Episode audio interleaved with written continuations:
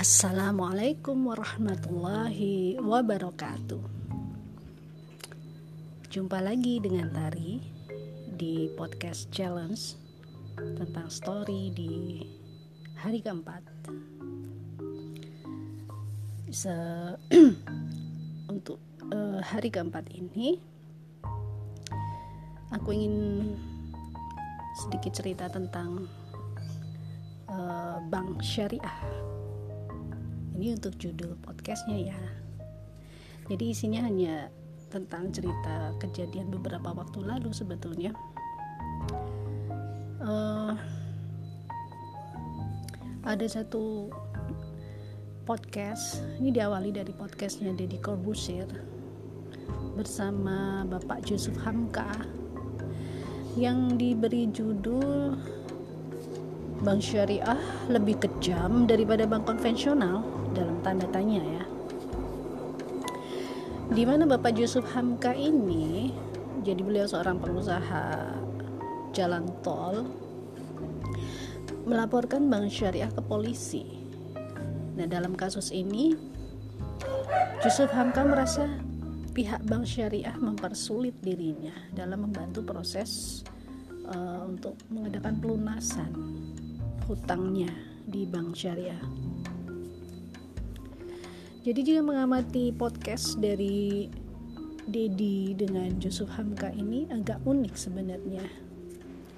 Jadi keduanya sama-sama um, mualaf, namun tingkat pemahaman tentang Islam masing-masing kedua orang tersebut berbeda.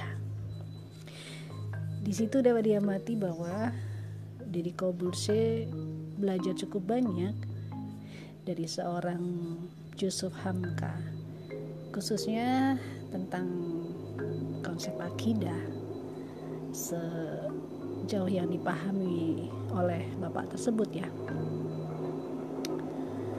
Selain hal itu, kalau mendengar e, dari cara Pak Yusuf Hamka melakukan proses pelunasan utangnya, kalau dari ilmu yang pernah aku dapat dari salah satu komunitas anti riba ya. Cara beliau itu sepertinya um, tidak seperti ilmu yang pernah aku dapatkan itu. Jadi beliau sepertinya belum tahu caranya. Nah di situ sangat disayangkan sebenarnya. Andaikan sebelum mengambil keputusan penyelesaian utangnya Pak Yusuf Hamka ini belajar dulu dan bertanya dulu pegiat komunitas kami. Tentu ceritanya akan lain. Tapi ya mungkin belum jalannya untuk bertemu dengan salah satu dari kami.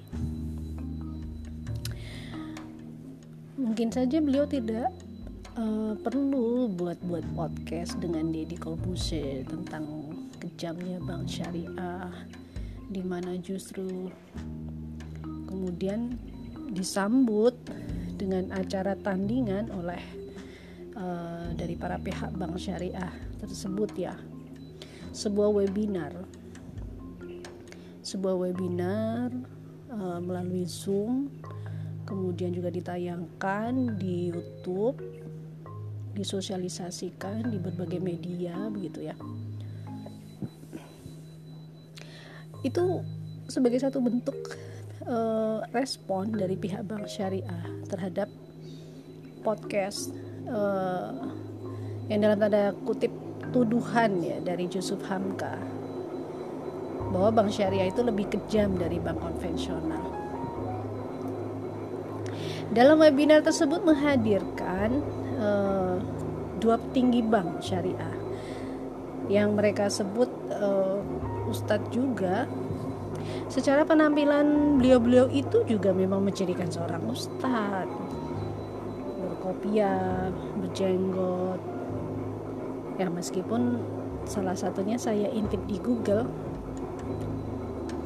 adalah lulusan uh, Boston University di jurusan yang memang ekonomi syariah.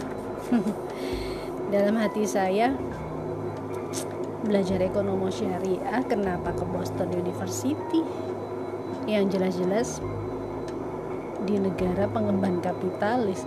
Maksudku apakah dapat esensinya? Belajar ekonomi Islam atau syariah di universitas-universitas yang ada nama Islamnya pun gitu ya. Kita bicara untuk skala di uh, Indonesia aja. Tetap saja. Kalau aku lihat itu ada eh, bilik-bilik uh, untuk praktek perbankannya. Jadi di mana itu sama saja. Judulnya memang prodinya ekonomi syariah ekonomi Islam mungkin ya. Tapi melibatkannya sama saja dengan teori-teori bunga yang sama aja tuh namanya riba Padahal sebagaimana firman Allah Subhanahu wa taala dalam surat Al-Baqarah mulai ayat 275 sampai 28 eh, 280 tentang larangan riba. Di situ sangat jelas dalam nas Al-Qur'an disebutkan, tetapi kenapa masih saja mengadakan praktek riba dengan berbalut nama syariah? Ada hal lucu yang membuatku mendapat apa? Melihat satu fakta ini ya. Jadi saat acara webinar itu aku sengaja join ke YouTube-nya untuk apa ingin tahu ap, apa yang para ustadz mereka bicarakan. Ternyata benar seperti perkiraan. Selain isinya adalah penjelasan tentang mekanisme bank syariah seperti apa akad-akadnya seperti apa yang sebenarnya sama sekali tidak penting ya. kalau bagiku karena pada pelaksanaannya kan sama sekali jauh dari teori yang mereka sampaikan juga ternyata salah satu petinggi bank tersebut menyebut-nyebut kasus viral Bapak Yusuf Hamka ini di mana Pak Yusuf Hamka terkena di, terkesan dipojokkan karena dengan dasar tidak adanya tabayun ke mereka dulu semacam itu. Nah dan aku sempat mengajukan pertanyaan juga melalui chat YouTube ketika dibuka sesi tanya jawab. Aku menanyakan tentang apakah jika sebuah bank syariah juga mau menanggung kerugian uh, seorang nasabahnya jika memang usahanya sedang tidak untung bahkan rugi. Kalau mau menjalankan praktek syariah yang benar kan harusnya begitu. Tapi pada kenyataannya kan mana mau bank syariah yang bank judulnya syariah sekalipun mereka mau di, di tiap bulannya angsurannya itu berkurang atau bahkan tidak sesuai dengan uh, angsuran yang sudah dia tetapkan semacam itu. Mereka berlandaskannya selalu akad yang penting akadnya semacam itu. Nah ternyata yang merespon pertanyaanku jadi di chat tuh banyak sekali yang merespon. Dan semuanya mengarahkan bahwa bank syariah itu bagus. pertanyaan pertanyaan-pertanyaan yang dianggap agak sedikit uh, dirasa membuat mereka uh, dianggap berbahaya dalam tanda kutip bagi mereka ya. Nanti yang merespon tuh banyak sekali ya. Setelah saya perhatikan mereka memang dari cara bicaranya, dari cara menyampaikannya, dari cara menyapa. Ya memang para marketing bank, bank syariah ya, dan orang-orang internal mereka sendiri. Jadi pikir saya ini semacam ada juga loh semacam pembentuk opininya, sama seperti kita itu. nah, perkembangan selanjutnya setelah acara webinar itu ternyata muncul lagi sebuah podcast uh, Pak Yusuf Hamka dengan Deddy Kobuse lagi. Kurang lebih isinya ya pembelaan diri dan curhatan Pak Yusuf Hamka yang merasa sedih dirinya sudah dituduh uh, merusak Islam dari dalam dengan membuat podcast uh, yang sebelumnya. Hmm. agak merasa lucu juga dengan kejadian itu ya uh, artinya begini sesuatu yang memang sudah rusak artinya sistem riba itu ya sudah nggak sesuai syariah. Kemudian ada yang mengkomplain uh, seperti Pak Yusuf Hamka ini sebagai selaku nasabahnya. Lalu balik menuduh orang yang mengkomplain ini berniat merusak Islam dari dalam ya satu sisi miris juga sebenarnya. Hanya bisa terpikir saja.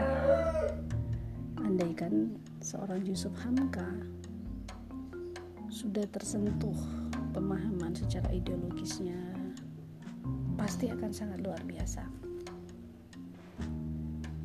Hanya bisa mendoakan semoga hidayah segera menghampirinya entah melalui wasilah siapa itu sekelumit cerita saya uh, tentang bank syariah. Demikian sahabat uh, podcast challenge. Sampai jumpa di podcast yang selanjutnya. Assalamualaikum warahmatullahi wabarakatuh